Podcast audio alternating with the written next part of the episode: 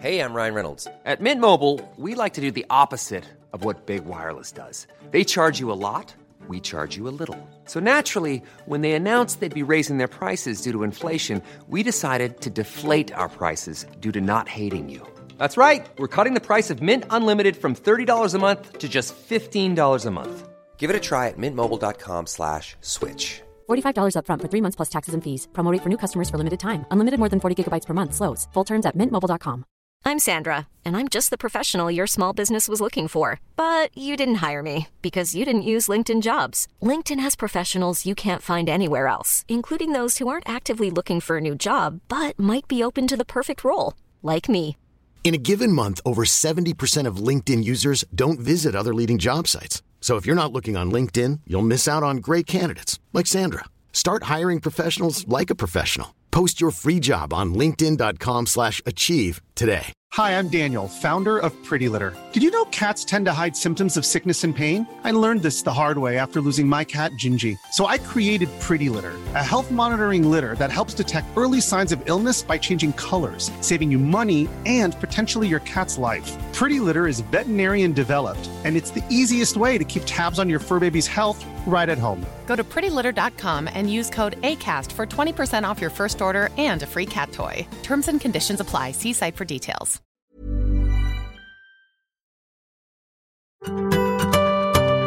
Macradion presenteras av kulander.se. Din personliga mackbutik i Malmö och nu också på Facebook.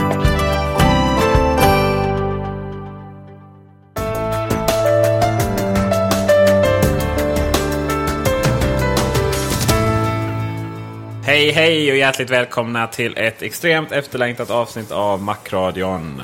Vi är inne på nummer 74. Och idag så ska vi försöka ta igen allt det som vi har missat under de gångna månaderna. Och som en liten chock eller för tidigt aprilskämt så släppte Apple en eh, ganska liten notis på sin webbsida om att Xserve hade lagts ner. Eller skulle läggas ner rättare sagt. Med sista försäljningsdatum 13 januari om jag inte minns helt fel. Och eh, då undrar ju förstås alla, inklusive jag, vad har Gabriel Malmqvist att säga om detta? Ja, det är en bra fråga. Egentligen mycket lite. Inte ett helt oväntat beslut kanske om man ska vara helt ärlig. Eh, Jag tror inte Xserve har sålt speciellt bra egentligen. Och eh, de la ju ner X-Raid för inte så länge sedan heller. Den här eh, Xserve-komplementet som man hade med massa hårddiskar och liknande. Eh, Så att jag är kanske inte riktigt, eh, inte speciellt förvånad över beslutet. Men eh, lite sorgligt känns det väl kanske. Ja, det är klart det alltid känns sorgligt. Jag kan ju känna lite så här att eh, man har ju lite dubbla roller. roller sådär. Som säljaren i mig så är det klart tråkigt att, att inte kunna erbjuda Xserve. Men eh, som eh, Mac-entusiasten och faktiskt också till viss del säljaren i mig känner ju lite att MacOS 10 för oss vanliga dödliga är ju ett helt fantastiskt operativsystem som är så mycket bättre än allting annat.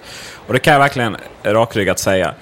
Sen har vi MacOS 10 Server som är också väldigt bra på väldigt många saker. Men kanske inte riktigt så mycket bättre än allting annat när det kommer till den världen som faktiskt behöver X-serves. Jag menar en Mac Mini server med, eh, med Mac MacOS 10 server som en liten filserver fil eh, eh för det lilla företaget. Kanske sköter e-posten. Eh, lite intranät med wikin och så vidare. Då är det alldeles underbart. Det är inga licenskostnader. Det är lätt att sätta upp. Eh, det är extremt billig drift och det är precis där det ska vara. Och därför är det ju ingen slump att man har sålt Mac Mini Server så in i Norden. Uh, eh, ibland kan man tycka att den inte räcker till och då är det kanske en Mac Pro som man ska ha. Men så många kunder som kör stora RAID-system uh, och stora uh, massa rackmonterade servrar. De har kanske också kompetensen att använda ett system, ofta Linux-baserat, som är... Eh, ja, det är mycket att göra i terminalen men eh, då så kanske inte MacOS 10 Server slår sådär jättehögt ändå. För att fördelen med MacOS 10 Server är att dess enkelhet för vanliga människor och dess eh, grafiska gränssnitt. Alltså, eh, du har helt rätt där naturligtvis. Ja, Den riktigt stora styrkan med Macen för vanliga människor är liksom att den är lätt att använda på många sätt. Och det är inte alls lika applicerbart på den sortens kundsegment som en, eh, som en serverprodukt faktiskt tilltalar. Och eh, då eh, tycker jag faktiskt personligen att eh, Mac Pro är en bra en bra ersättare. Alltså en Mac Pro-server då som, som numera finns med Mac OS Server. Och det, det finns kunder som tycker det här är jättekorkat. Jag vet i alla fall en, eh, en, en lyssnare från eh, Norrland någonstans som tycker jag är jättedum nu. Uh, han menar på att alla server kräver redundans och så vidare. Och så vidare. Och så är det ju. Men samtidigt har du ett litet bolag eller litet företag. Då kanske inte hela företaget havererar för att uh, Ja, för att strömkabeln råkar gå ut. Och nu kan jag ju för sig hålla med om att strömkabeln i Mac Mini är extremt lätt. Och att den ramlar ut bara man råkar flytta den. Så det, det, finns kanske saker man ska göra eh, och förbättra dem. Men då, då tycker jag att Apple ska just fokusera på att förbättra dessa serverprodukter som finns nu. Och förbättra MacOS 10 Server mot ett annat håll. Det vill säga det små och medelstora företaget. Än att försöka slå sig in på den stora marknaden med, med hela hangarer av, av rackmonterade servrar. Det är inte så att Apple själva kör Xserve i, sin, eh, i sin nya, sitt nya datacenter i North Carolina. Det eh, tror jag är väldigt mindre troligt faktiskt det är absolut så att de kör absolut inte X-serve där. Och det visar lite grann på hur eh, avsaknad av självförtroende för den egna produkten man har på något sätt. Det finns mycket med Apple som inte är tilltalande med, för, för kunder som vill ha de här stora serveranläggningar och så vidare. Eh, exempelvis hela företagskulturen kring hemlighetsmakeriet. Apple är inte ett transparent företag där man vet vad som kommer och när det kommer. Och det är ett problem för många av dem som just vill kunna köpa in hårdvara baserat på långtgående planer, alltså planer som sträcker sig över flera år. Man vill kunna veta vad som väntar. Eh, och Apple har ju visat sig vara väldigt eh, oberäknelig vad gäller dess dedikation också då, framförallt kanske mot serverhårdvaran som ju man, man började i och med att man släppte G5 vill jag minnas. Alltså att eh, att Xserve G5 var den första. Nej förlåt, G4 var det. Det var ju, Xserve har alltid varit ganska efter också. Sådär. Mac Pro har blivit uppdaterad och, och sen har man fått vänta lite på att någonting ska hända med Xserve och sådär. Den har varit, ibland känner man vissa produkter sådär eh, att det inte finns någon kärlek från företaget till dem. Där har ju Mac, är Mac Mini framförallt varit ett tag. Det är lite roligt. Medan det verkligen inte är det nu. Men Xserve har ju känts som att det har bara gått på mer och mer dekis att man kanske gjorde en storsatsning med sina Radar eh, och, och eh, verkligen satsade väldigt hårt på MacOS till server. Sen märkte man väl det att ja, det är andra segment som säljer bättre. Och Apple, eh, trots att man är ett företag som handlar väldigt mycket om att göra väldigt bra produkter som är, det ett egenvärde. Så är det ändå ett företag som har aktieägare som faktiskt förväntas motivera de flesta affärsbesluten. Kommer du ihåg, kommer du ihåg för några år sedan Peter när eh, det var något något universitet i USA som byggde en enorm sån här eh, server... Virginia Tech ja. Precis, med eh, eh Power Mac G5. Eh, som de sedermera bytt ja, ut precis. till Xserve G5 vill jag minnas. De kom ju väldigt högt upp där rankad på störst, störst sån här beräkningskapacitet, giga, gigaflop eller Precis, största ja, precis. superdatorn eller man kallar det. Och eh, den var ju väldigt, väldigt, väldigt, väldigt billig också jämförelsevis att, att bygga. Ja precis och Apple slog lite, slog lite på trumman där för detta. De la ut lite videos så på internet där de intervjuade de här forskarna och man visade, de filmade inifrån den här stora, stora eh, PowerMac F5 serverhallen. Det var faktiskt ganska spännande att se på, på sitt sätt. Alltså att de, när de byggde de här och alla de här fiberkablarna som drogs tusentals, tusentals meter liksom överallt där. Och så. Eh, men eh, ja, det var då det och nu är nu.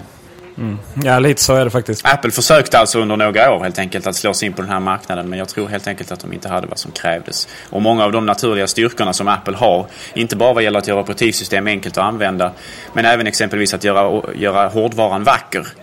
Det är ju en av deras stora styrkor. Det har ju liksom ingen som helst relevans för de som köper server, serverutrustning i slutet. Nej, inte på den, uh, inte på rackskåpsnivå. Nej, precis. Men, uh, men däremot så kan man ju hoppas. För att det finns många företag som är beroende av sina Xserve-lösningar idag. Eller framförallt Macros 10 serverlösningar och som kör Xserve. Många filmbolag och så vidare. Och eh, där kan man ju hoppas. För det hade varit riktigt, riktigt häftigt om Apple gjorde så att eh, det var okej okay att virtualisera Macros 10 server. Då det är lite sådär kan man ju känna i, i ryggmärgen att det är synd att uh, köra MacOS uh, på en Dell. Va? Men, men uh, hade Apple godkänt en virtualisering av det då tror jag man skulle faktiskt behålla nästan alla de kunderna samtidigt som man dra, gå upp på nya marknader också. Mm, det är en tänkbar lösning men det är nog inte så sannolikt om jag ska vara helt ärlig. Nej, det är väl lite så kanske. vi får se. Men i varje fall, det, den, hade, den hade sina år när Xor var intressant som, som, som, eh, som en produkt. Men snart så är den alltså ersatt igen utav eh, lite mindre saker. Eh, Mac Mini Server är faktiskt en ganska spännande sak, precis som du, du var inne på här. Eh, och eh, ja, den kanske har framtiden för sig på ett annat sätt. I ett helt annat kundsegment naturligtvis. Mm. Där har det ju, det finns ju de här Microsoft, eh, ja, de har ju en hemmaserver, men de har sån här ja, liten server, eh, mjukvara för små företag. Eh, men även där är det ju extremt dyra licensavgifter hela tiden. Och eh, ja, det är så betydligt mycket billigare att bara köra in en Mac Mini Server och, och, eh, och, ha den där som bara fungerar. Och det var ju, det var ju på många sätt Apples styrka i just servervärlden. Att man inte tog speciellt mycket betalt för att man skulle köra Mac OS server på, på datorerna. Så precis som du säger, serverversionen av Windows har ju alltid varit jättedyr. Eh, helt enkelt därför att Windows tjänar, eller Microsoft tjänar inga pengar på hårdvaran som säljs utan det är ju då tillverkaren av hårdvaran. Medan Apple då lätt kunde slänga med Mac OS server Eh, i paketet nästan till gratis. Eh, helt enkelt därför att man fick bra betalt för hårdvaran som man sålde. Sen är det ju så här att ingenting är ju perfekt. Mac Mini Server är ju verkligen en Mac Mini som man inte har tagit bort. Eh, eller som man inte karvat in superdriven i, i metallen och, och som har satt en extra hårddisk det finns förbättringar att göra där. Jag säger inte att de ska ha dubbla nätaggregat och sådana saker. För det är liksom häftigt i serverhallarna. Men däremot eh, kanske strömkabeln den går ut lite för enkelt till exempel. Uh, man, uh, varför är inte hårddiskarna raidade från början? Anledningen att man har två diskar är ju för spegling. Det är ju egentligen anledningen. Så att det är ju jättekonstigt. Och sen så, man, den är lite så här... Mac Mini Service ser lite konstigt ut. när IR-ögat är det va? Just det. Och den eh, sitter ju... Eh, eller om det är lysdioden. Jag har ingen framför mig här så jag är inte helt säker. Men någon av de där lamporna. Den sitter ju ganska perfekt på Mac Mini. Men eh, när man tar bort SuperDrive-hålet då ser det ganska konstigt ut. Den sitter på samma ställe på Mac Mini servern. Så att, ja, det är ju bara petitesser. Men det är det här att kanske kommer Apple fokusera och göra det mer som en egen produkt. Eh, som egentligen eh, lånar väldigt mycket från sin eh, lillebror om eller eh, lilla syster Mac Mini. Men att den blir mer, eh, mer serveranpassad. Och kanske kommer man att förbättra även Mac Pro. Mac Pro skulle ju till exempel kunna ha dubbla nätaggregat. Men från stora seriösa saker till eh, någonting annat väldigt seriöst, nämligen iPad. Som äntligen släpptes i Sverige. Och eh, Det var ju många som trodde att eh, kanske möjligtvis eh, marknaden redan var mättad med de uppskattningsvis 60 000 iPadar som redan finns här i landet.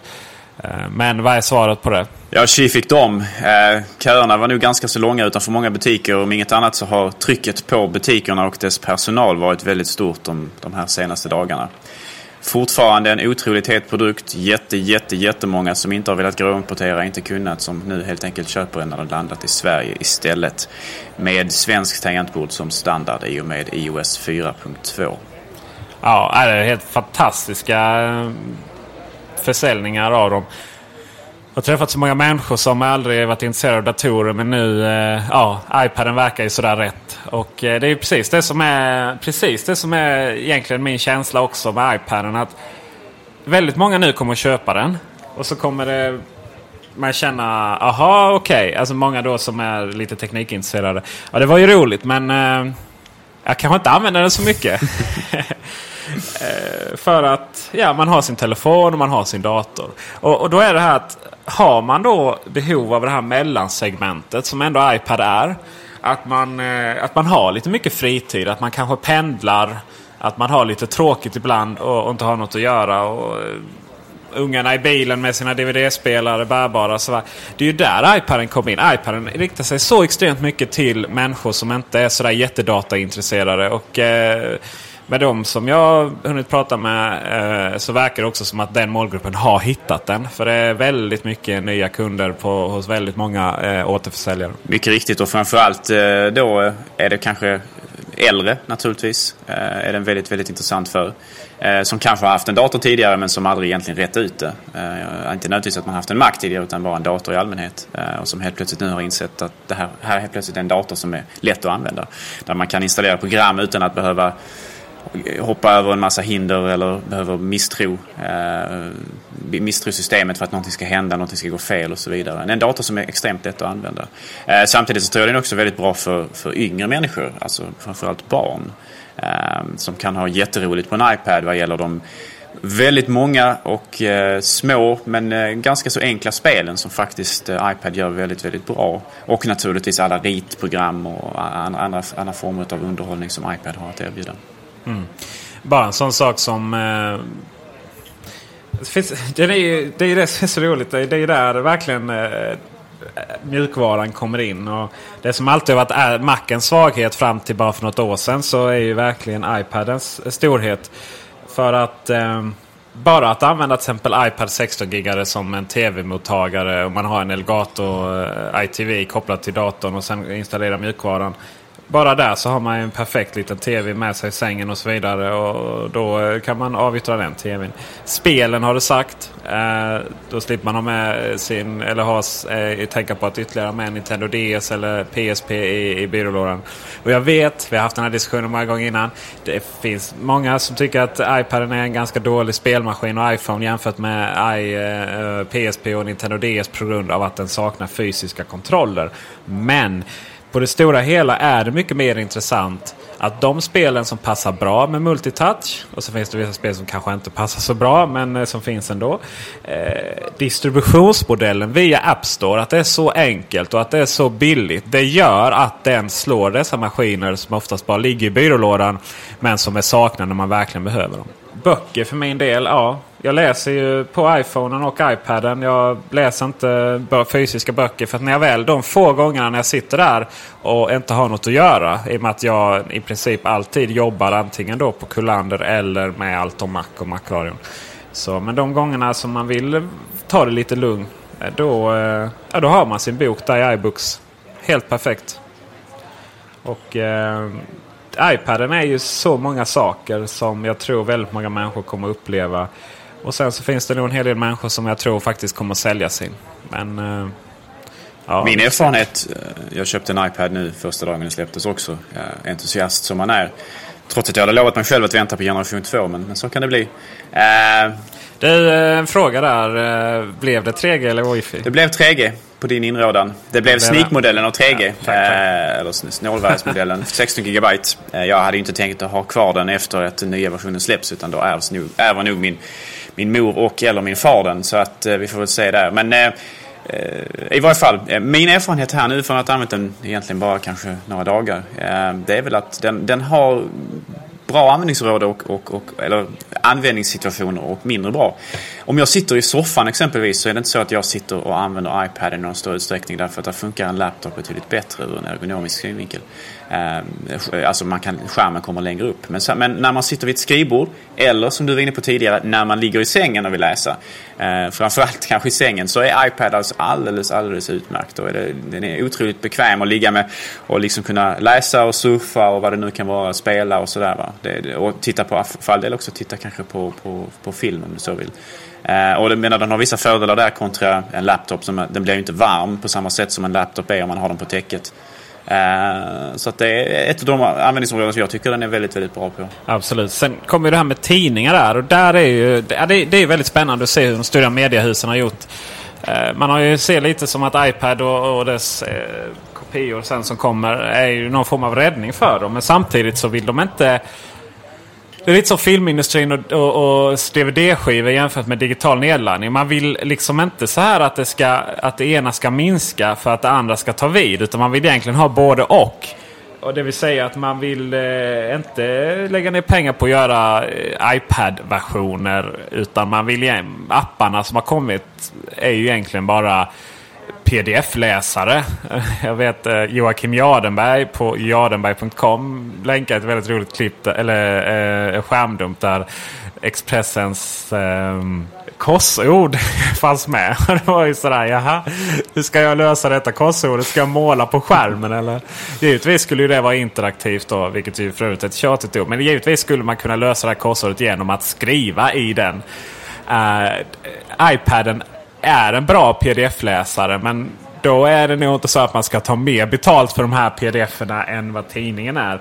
Och vill man att man verkligen ska lyckas med en digital tidning, det vill säga en, eh, ett material som där någon har satt ihop upplägget själv eh, jämfört med en webbsida där, man, eh, där det handlar om egentligen att publicera saker i datumordning eller i tidsordning. Eh, och eh, ganska entoniga layouter och sådär. Utan en tidning då, en digital tidning för mig, definitionen av det är att det är någon som har satt ihop innehåll och eh, layout. och valt ut liksom mer vad vi ska läsa. Det vill säga det är mer passivt. Och jag, jag, jag kan ta det men då ska det minsann inte vara ett jävla hån emot oss. Och det är inte så mycket för min skull. Jag läser inte så mycket papperstidning har jag aldrig gjort. Uh, kommer ändå från Blekinge och liksom, ja, där känner ju alla alla. Så att, uh, men för deras egen skull om de verkligen vill uh, överleva så tror jag nog att man får ta tag i det här. Det ska bli väldigt spännande att prova DNs News Plus och Sydsvenskan kommer i samma plattform. Eller Bonniers News Plus är det ju med, med DN och Sydsvenskan och se om det ger någonting. Det ska också bli spännande att, testa eh, de här, eh, vad heter han, den här Fox-ägaren? Murdoch va? Precis, det ryktas ju om att Murdoch håller på att samarbeta med Apple eh, för att få fram en ny tidning som ska vara helt digital som kallas för The Daily. Ja, det är spännande att det, det, det, det namnet inte redan är taget. Så att säga. och sen är det ju han Bronson från Storbritannien. Virgin-miljonären. Han eh, har redan släppt den tror jag. Och eh, jag ska skriva ihop en recension av alla tidningar nu. Eh, jag tror DN sa att den var på väg eller hade släppts eh, också. Så att jag ska se vad man kan få. Men eh, en sak som är så här självklara saker för en tidning. Det är exempel, en digital tidning. Det är till exempel att faktarutor ska inte vara en del av layouten. Faktarutor ska ju vara att om jag, klickar på, om jag trycker på ett ord. Som ju för övrigt texten ska ju såklart gå att kopiera sådär. Den ska inte vara en del av den här Adobe-plattformen är helt värdelös. Den kör ut allting som stora bilder. Två bilder just. En för eh, om man har en lodrätt och en för om man har en vågrätt. Uh, och, och, så kan man inte göra någonting om det. En, en, digital tidning för mig är ju text som går att markera och kopiera. Text som jag kan markera och så kan få upp och fråga vad betyder detta? Och då kommer en faktaruta upp. Framförallt så är det text som man kan söka i. absolut, absolut. Eh, det ska ju vara uppkopplad mot nätet så att jag kan spara texter via Instapaper till exempel. Uh, det ska vara så att jag kan uh, dela med mig Facebook, Twitter. Ja, det har ju för sig Bonnie fattat. Kan man göra. Men det ska ju, allting ska ju egentligen handla om uh, att det är inte så mycket en tidning för mig. Handlar, en digital tidning för mig handlar inte om att bara skicka ut en fysisk tidning och lägga den på iPaden. En digital tidning för mig handlar om att man helt enkelt presenterar passiv läsning för mig. Som redaktörerna tror passar mig. Och eh, gör detta i så ultimat format som bara är möjligt på iPaden. Och eh, faktum är att jag tänkte prova Kiosk. finns ju en eh, app som från Aggressive Development i Göteborg har gjort. Och där säljer man ju tidningar och eh, det är ju pdf för kända tidningar. Och Volvo-intresserad jag är så såg så jag att eh, Auto Motorsport hade en specialare om, eh, om eh, Volvo S100. Väldigt spännande projekt. Och hur kineserna såg på det och så vidare. Och då, eh, ja, då tänker man att det här blir väldigt roligt att läsa. Så jag passade på att betala 45 kronor då för den här tidningen. Och ja, sen gick man in där och visst. Det var ju, även om det var på hela första sidan så var det väl typ ett par sidor om om eh, denna eh, Volvon. Och två tredjedelar av det kändes som att det var bara stora bilder. Det vill säga jag kände att återigen så tidningar som de utformade, eller magasin som de utformade idag, handlar väldigt mycket om att lura läsaren känner jag. Att man slår upp väldigt, väldigt stort på, eh, på eh, omslaget för att locka till köp. Och sen när man väl läser de där artiklarna, ja då var det inte så mycket nytt. Det är liksom inte allt om iPad iPad är inte sådär, nu kommer vi till en annan tidning då. det är inte sådär jättemycket att skriva om. Och då, eh, och då skriva ut att det är eh, hundratals tips och eh, djupa guider till alla enskilda funktioner. Ja, då det är jättekul fram till man läser dem och kommer på att ja, ja, det var väl inte så jävla svårt. Det var väl ganska självklart. Det var inte så mycket nytt sådär.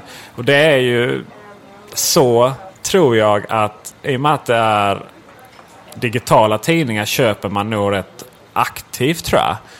Um, istället jämfört med fysiska tidningar som man kanske då prenumererar på eller, eller man plockar på sig där när man är på väg när man har handlat på ICA och det verkar lite intressant. Eh, och på ICA så är det inte direkt så att det är någon konkurrens mot, mot, eh, mot eh, eh Google. Då. Man tar inte upp den bärbara datorn och börjar surfa på samma information. Det kan man göra här istället. Man ser något intressant. Ja, varför googlar jag inte efter den där bilen istället? Ehm, så att jag tror att man måste presentera och leverera väldigt mycket mer i digitala versioner än vad man behöver göra i pappersversionen för att få de här lojala läsarna. Man måste helt enkelt utnyttja media till max med allt vad detta innebär av att ha klickbara bilder, sökbar text, eh, filmklipp naturligtvis som möjlighet ges och så vidare. Och göra det bättre än man gör det på, sina, på sin, sin webbsida. För att eh, här finns möjligheter men det handlar om att man måste också naturligtvis anamma tekniken fullt.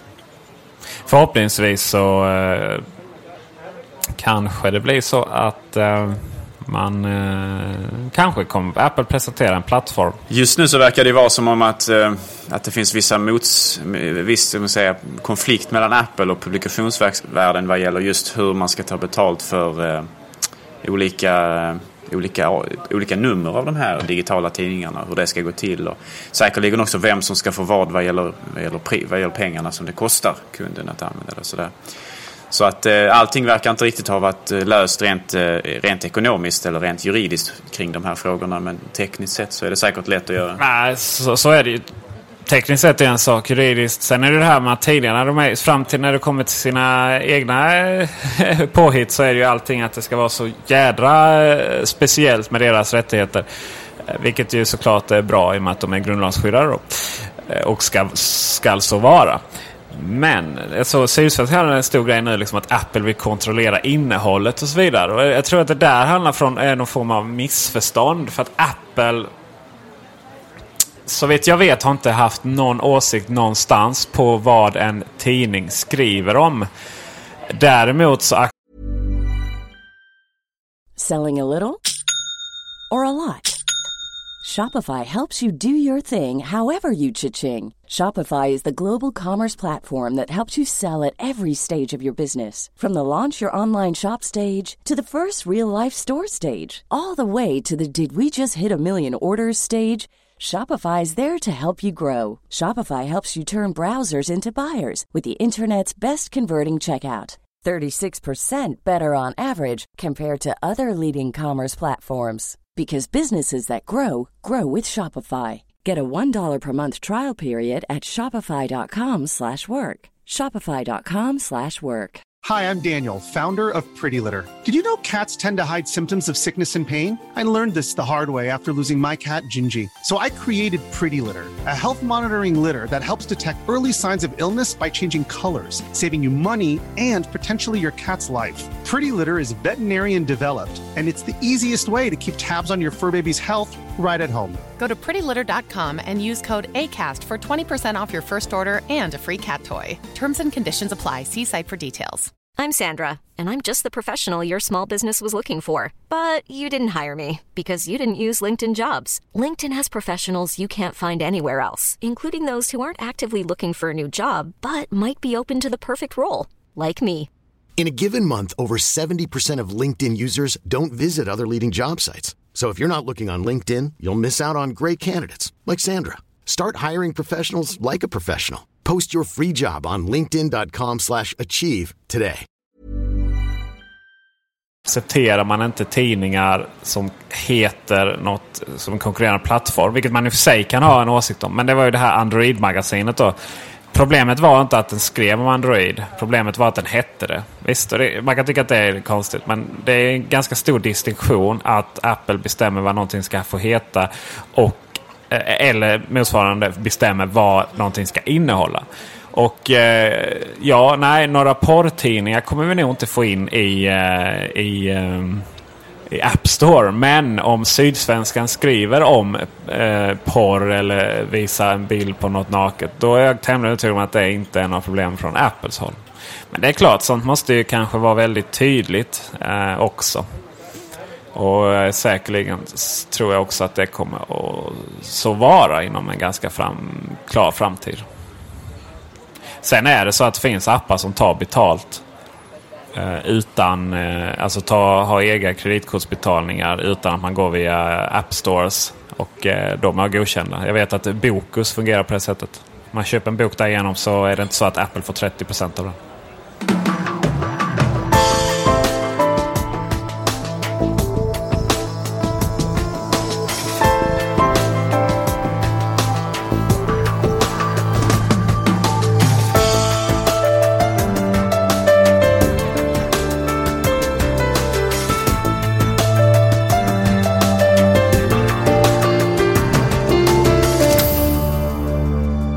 Senast vi spelade in Macradion så hade Macbook Air precis presenterats. Och eh, nu har vi ju haft möjlighet att känna på dem rätt rejält. Har själv en Macbook Air 11 tum. Och eh, det är en helt fantastisk dator. Oj vad underbar den är. Den är så snabb. Det är, så, det är faktiskt så att Macbook Air är den snabbaste standarddatorn av dem alla. Och när jag säger snabbhet nu menar jag inte riktigt att rippa saker i handbrake eller lägga på Photoshop-filter. Utan hur den känns i systemet. Den, den, den behöver inte ens tänka. Det bara, allting bara sker så jävla snabbt. Och det har ju förstås att göra med att den inte använder någon hårddisk. Men det är också den enda standardmodellen eh, som använder en eh, flashdisk i den. För tillfället. För tillfället, ja precis. Och det gör att den är så vrålsnabb. Den, eh, min gamla Macbook Air har ju en processor som på pappret ska vara bättre än den jag har nu. Men det är ju verkligen inte så. Oj, oj, oj. Uh, gamla Airen den, uh, den klarar inte ens Firefox. Jag har den första versionen. Klarar inte YouTube. Den klarar fan med ingenting jämfört med uh, denna. Men uh, det var älskvärd datorn då. För den klarar i alla fall att, att, skriva på. Det var ju precis det jag hade den till. Den här går in och visar YouTube-filmer i HD utan några som helst problem. Fläkten går knappt igång. Och eh, när den går igång fläkten så är den inte särskilt högljudd så som den var på den gamla ären. Uh, eh, givetvis att den fixar YouTube har att göra med att uh, grafikprocessorn hjälper till. Detta funkar till exempel inte om man kör upp en MKV-fil i 1080p. Uh, eller en DivX finns ju också. Uh, det är precis som min inte orkar med. Den uh, minsta Macbook Air 11 tumman med uh, 4G-minne. Men allting går ju via Plex såklart absolut. VLC går inte, Plex funkar alldeles utmärkt. Eh, alltså den är så, och den är så liten och harmonisk och eh, det får plats så mycket på den här lilla skärmen. Eh, det enda jag retar mig på är att kanske den här kanterna är lite tjocka. Eller breda heter det då, om man köper det. Just det, de är lite breda. Så att det känns lite nästan samma symptom som kändes med iPaden först. Nu har ju iPaden blivit normalt då och antagligen kommer Airen också bli det. Men samtidigt som gamla äran handlade väldigt mycket om att eh, typ vd-personer, folk som reste mycket och var allmänt exklusiva. De köpte en Air för där pengar inte spelar så stor roll. Och eh, där... Eh, ja, man hade en dator liksom för att svara på e-post och skriva grejer. Det var det man gjorde. Och, eh, en exklusiv dator för exklusivt klientell. Till exempel sådana som Peter Esse. Då.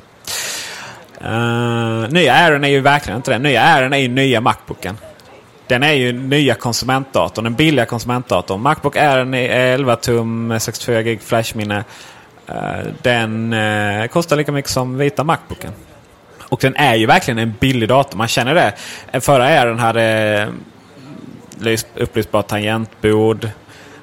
Det har inte den nya. Nya har ingen batteriindikator. Den har inte on-off-knappen är gjord i plast. Första modellen tror jag. Eh, bortsett från plastdatorerna då. Den är, känslan av den, den är ju extremt gedigen för att den är i, i aluminium. Sådär. Det kommer man inte ifrån. Den är ju extremt vacker och den känns väldigt bra. Eh, väldigt solid. Precis som alla mackar i, gjorda i unibody-format. Men eh, de har verkligen strippat av allting. Den har inte ens e IR-sensor. Det vill säga man kan inte använda fjärrkontroll till den.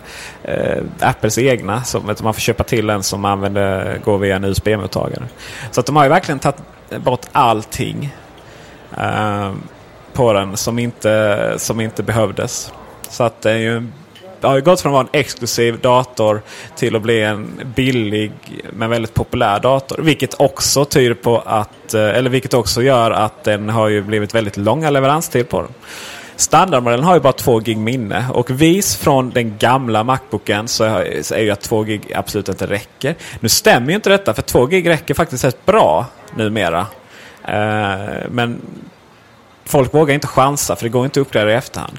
Detta gör att eh, det har blivit ganska långa leveranstider på 4 gigarna. Eh, jag läste på, på var det Macrumors, lite osäkert, att, eh, att det var väl upp till en månads leveranstid på vissa. Tack vare att det är så populärt att beställa de med 4 GB internminne så har ju många eh, eh, Apple-återförsäljare varit smarta nog att eh, ta in den som standard i sortimentet också. Normalt sett så brukar man väl oftast bara inne instegsmodellerna på varje storlek så att säga. Men här har nu så, så har man oftast i lagret även 4 GB som standard därför att den är så pass populär. Men eh, eh, just, eh, just som du säger, 2 GB är betydligt snabbare än man kan tro helt enkelt tack vare också därmed SSD-disken. Eller SSD-minnet, man ska säga det så. Därför att den helt enkelt har mycket, mycket lättare att snabbare att hämta informationen ifall det inte får plats i internminnet från början. Så att det avhjälps väldigt mycket av just att den är så snabb i övrigt datorn. Mm.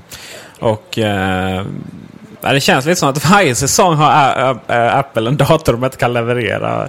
För att den är så populär. Och det var ju väldigt otippat att det skulle bli Macbook Air faktiskt. Um, väldigt otippat. Uh, och på frågan om 64 gig räcker? Ja, det räcker ju om man har, skriver och har allting i molnet. Spotify kör man musiken.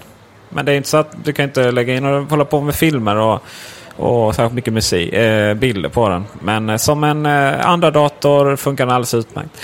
Eh, medan om det ska vara en huvuddator så funkar ju tack vare de två USB-portarna numera eh, funkar ju eh, 13-tumman alldeles ypperligt. Eller ja, 11-tumman med 128 eh, gig eh, flashminne också givetvis. Formen på den. Jag kan tycka att den inte är riktigt lika snygg som den gamla. Jag hade nog tyckt att man fortfarande att de skulle gjort den, att den inte lutade. Det vill säga att den var lika tjock överallt. Jag tror det har blivit fräckare faktiskt. För den är ju extremt tunn på dess tunna ställe. Men eh, ja, nu känns den ju ännu tunnare. Fast jag, jag har min symmetri, eller vad heter det, symmetrihjärna vill gärna att den skulle varit lika tjock på båda ställena. Det finns för och nackdelar med den här sluttande designen. Eh, fördelarna är uppenbart. Det är mer ergonomiskt. Att man har en dator som lutar lite grann när man ska exempelvis sitta med den på ett skrivbord och lägga händerna för att skriva på den. Eh, jag håller med dig, rent estetiskt är det inte riktigt så tilltalande som kunde varit om det varit ett platt, eh, jämntjockt stycke. Eh, men det funkar uppenbarligen väldigt bra och just att den är lite så här alltså, ojämnt tjock gör ju också, bidrar också till att den, den ser eller uppfattas som egentligen kanske tunnare än vad den egentligen faktiskt är. Eh, så det blir lite av en, någon slags synvilla också som, som förstärker intrycket av att maskinen är otroligt, otroligt, otroligt tunn. Och så är det med Macbook Air. Frågan är, är detta framtiden för Macbooks? Ja, Steve Jobs sa ju detta på scenen och det tror jag absolut att det är på otroligt många sätt. Och jag, jag själv är väldigt eh, spänd och förväntansfull inför, inför vad detta faktiskt innebär för övriga produktlinjerna.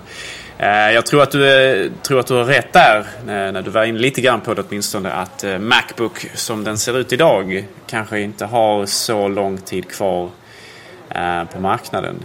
Med tanke på att priset på Macbook Air har blivit så pass, ehm, så pass mycket lägre så skulle det inte förvåna mig i varje fall om Macbook som vi känner den idag försvinner.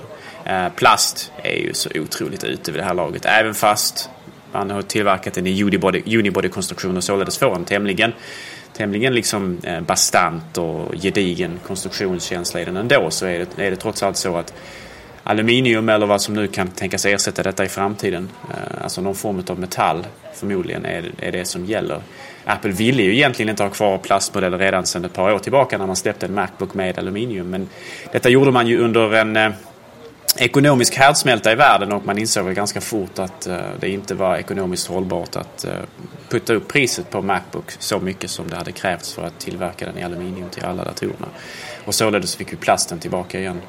Eh, men jag tror, att, jag tror att vi kommer att se ett produktsegment där vi har Macbook Air för konsumenter framförallt och Macbook Pro i framtiden för de lite mer krävande användarna. Och att Macbook helt enkelt försvinner eh, som, ett, eh, som ett produktsegment om man säger så. Abs absolut, jag tror också det. Och i allt med att nu kommer ju nu priset på det finns ingen mening att ha en Mac som kostar eh, mindre än vad den gör nu. Det vill säga strax under 10 000 eller strax under eh, 1000 dollar. Som det är ju. Och ehm, ja, den kundsegmentet de kör ändå on-off priser. Uh, och då, uh, det som kommer hända är att Macbooken kommer ju, minstingen då, kommer ju få um, helt sonika mer minne och snabbare processor. Och, uh, 64 är för lite för de som har, om det ska vara en huvuddator. Men uh, alldeles snart så tror jag minstingen kommer 128 gig och SSD-priser. Nu är ju inte det per definitionen SSD som sitter i Macbook Air. Utan det är eh, samma sak som SSD, eh, det vill säga ett flashminne. SSD är väl, om jag inte är helt utcyklande, ni får väl rasa bland kommentarerna, faktiskt definitionen av ett flashminne som sitter i eh, inkapslad så att den passar en vanlig hårddisk eh, kontakt. Då. För det gör ju inte de här. Det var till och med något företag som började tillverka liknande, men de fick ju lite eh, stryk av Apple. Det var ju synd. Kanske de eh, kommer något licens eh, eller tjohejsan så att de kan göra det själva. Men än så länge så kan man dessvärre inte uppgradera de här minnena. Även om det är löstagbart. Ja, vi, vi, kan ju konstatera också att eh, optiska diskar naturligtvis är någonting som är på väg ut. Och jag är helt övertygad om att eh, faktiskt redan nästa generations Macbook Pro eh, kommer att eh, kommer att slippa eller ja, eh, plocka bort den här tekniken eh, för gott. Det har ryktat lite grann om att, eh, att Apple kanske kommer att ha kvar en 15-tums modell som behåller SuperDrive-läsaren för de som absolut måste ha med sig den eh, inbyggd i maskinen Eh, för de konservativare användarna. Och det är mycket möjligt men jag är ganska säker på att den kommer att försvinna ifrån både Macbook Pro 13, 15 och 17 Eh, när väl dessa uppdateras nästa gång. Det är min förhoppning men också eh, min förväntning.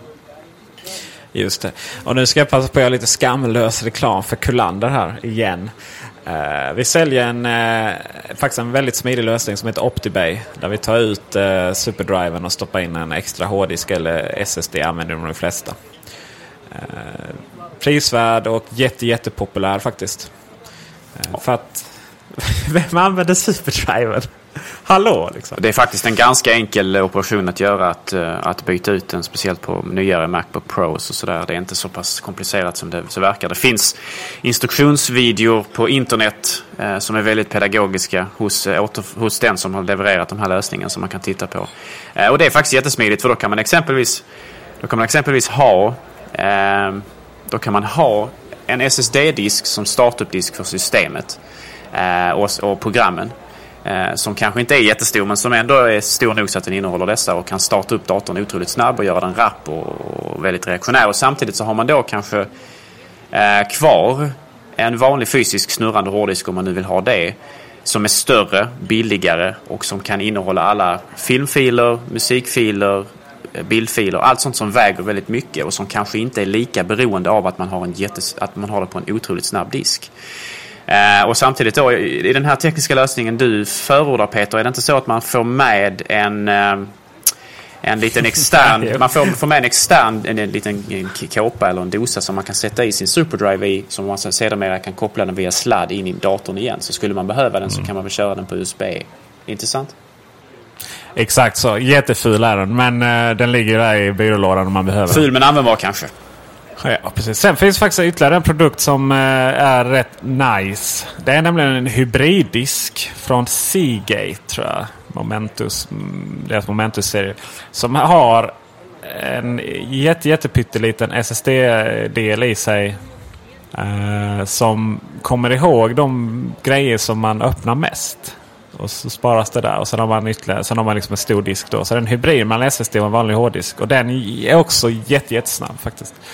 Eh, så det är ytterligare ett tips. Fyller datorn med två sådana och sen så är den vrom vrom så det skriker om det. Den optimerar då så att den tittar på vilka filer läser systemet ofta och så lägger den väl dem ja. på den här lilla flashminnet som den har i sig. Och sen så de, de filerna som den inte läser lika ofta Eh, och lägger den istället på den snurrande plattan eller snurrande disken som inte behövs lika mycket. Så att eh, det är en ganska smart lösning men eh, det är ju bara något som kommer att försvinna över tiden allt eftersom SSD eller flashminnena går ner i pris. Jag kan ju säga så här mycket att min nästa dator, bärbar eller stationär, hoppas jag kunna köpa med SSD om möjlighet finns.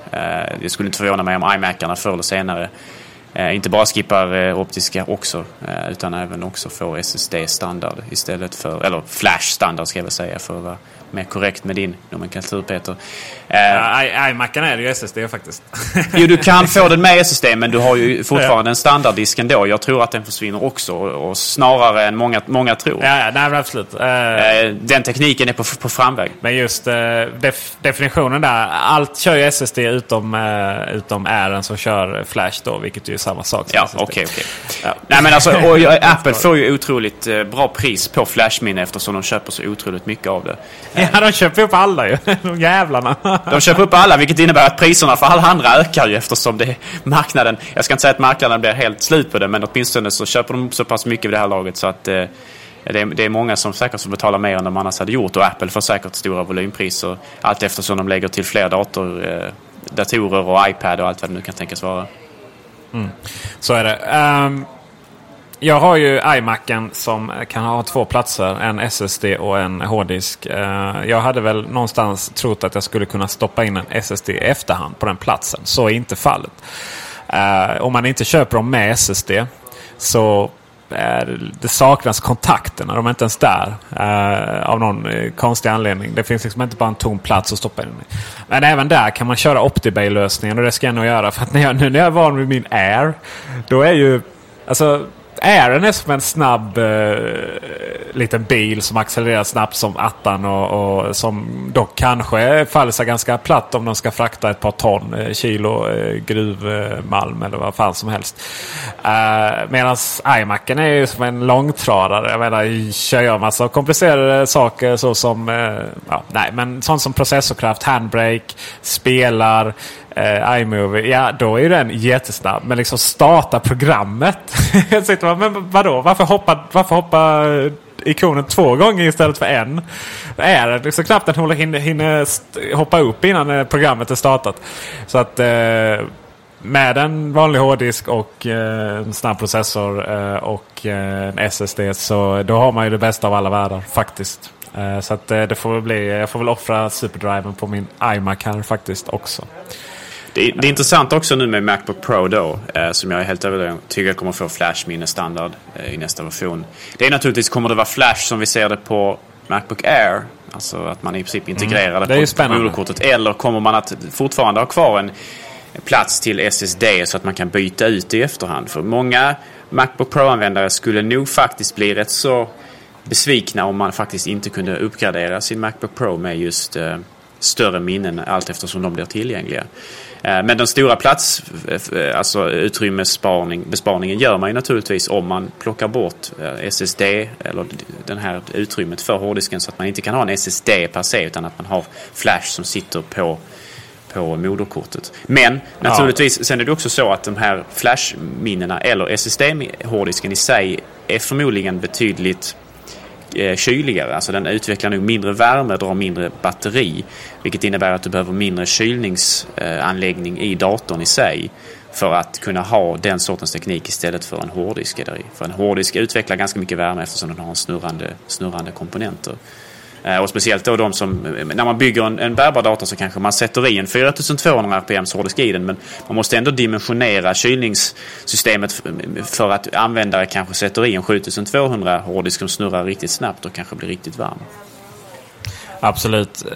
Men sen är det också, man skulle ta bort superdriven så hade man ju haft rejält med placeringar för extra eh, Ehm, jag tror inte att man kommer kunna liksom ha möjligheten att ha två eh, hårddiskar eller SSDs i kommande Macbook Pros. Utan att man tar ut att superdriven kommer försvinna någon gång.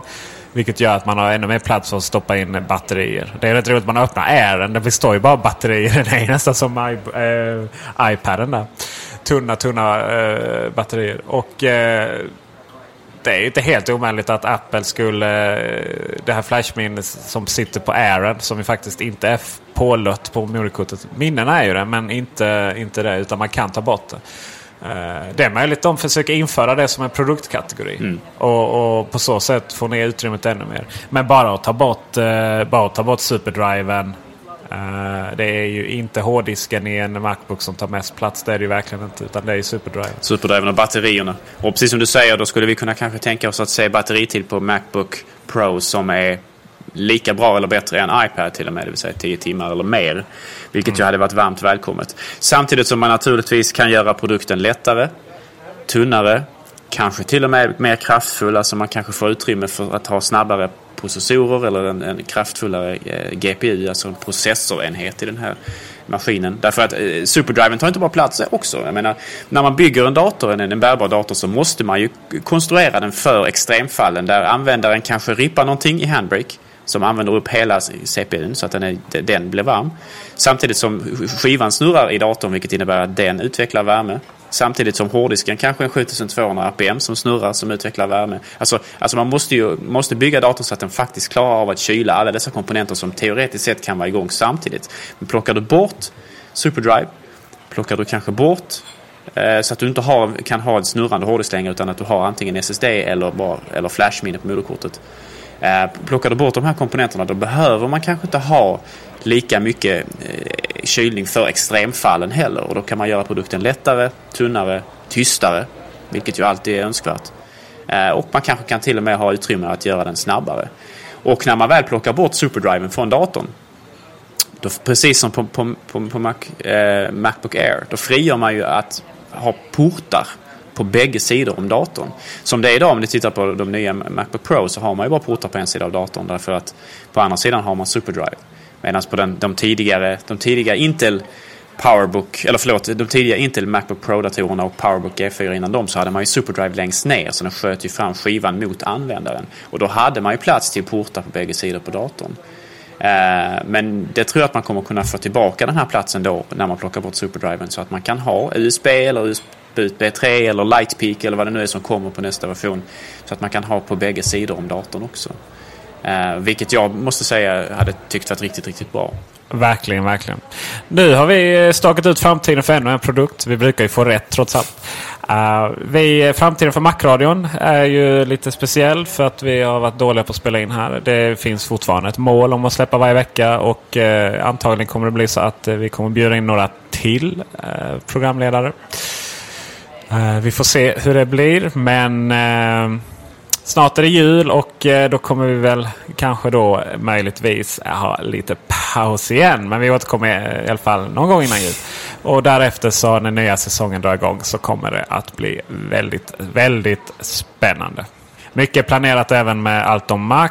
Eh, som vanligt. Eh, vi brukar ju faktiskt leverera men eh, det brukar ta rätt lång tid. Så att, eh, håll utkik efter allt roligt som kommer här under nästa kommande år. Uh, nästa avsnitt så har vi någon form av idé om att vi ska berätta vad iOS 5 innehåller. Uh, det är också någonting som jag tror tar lång tid för tanke på att nästa stora uppdatering när det kommer till Apples olika operativsystem är ju trots allt MacOS 10.7. Som vi inte hört så mycket om sen sist. Men uh, ja, det lär väl också hinnas med under nästa år. På återseende. Ha det bra. Hej då!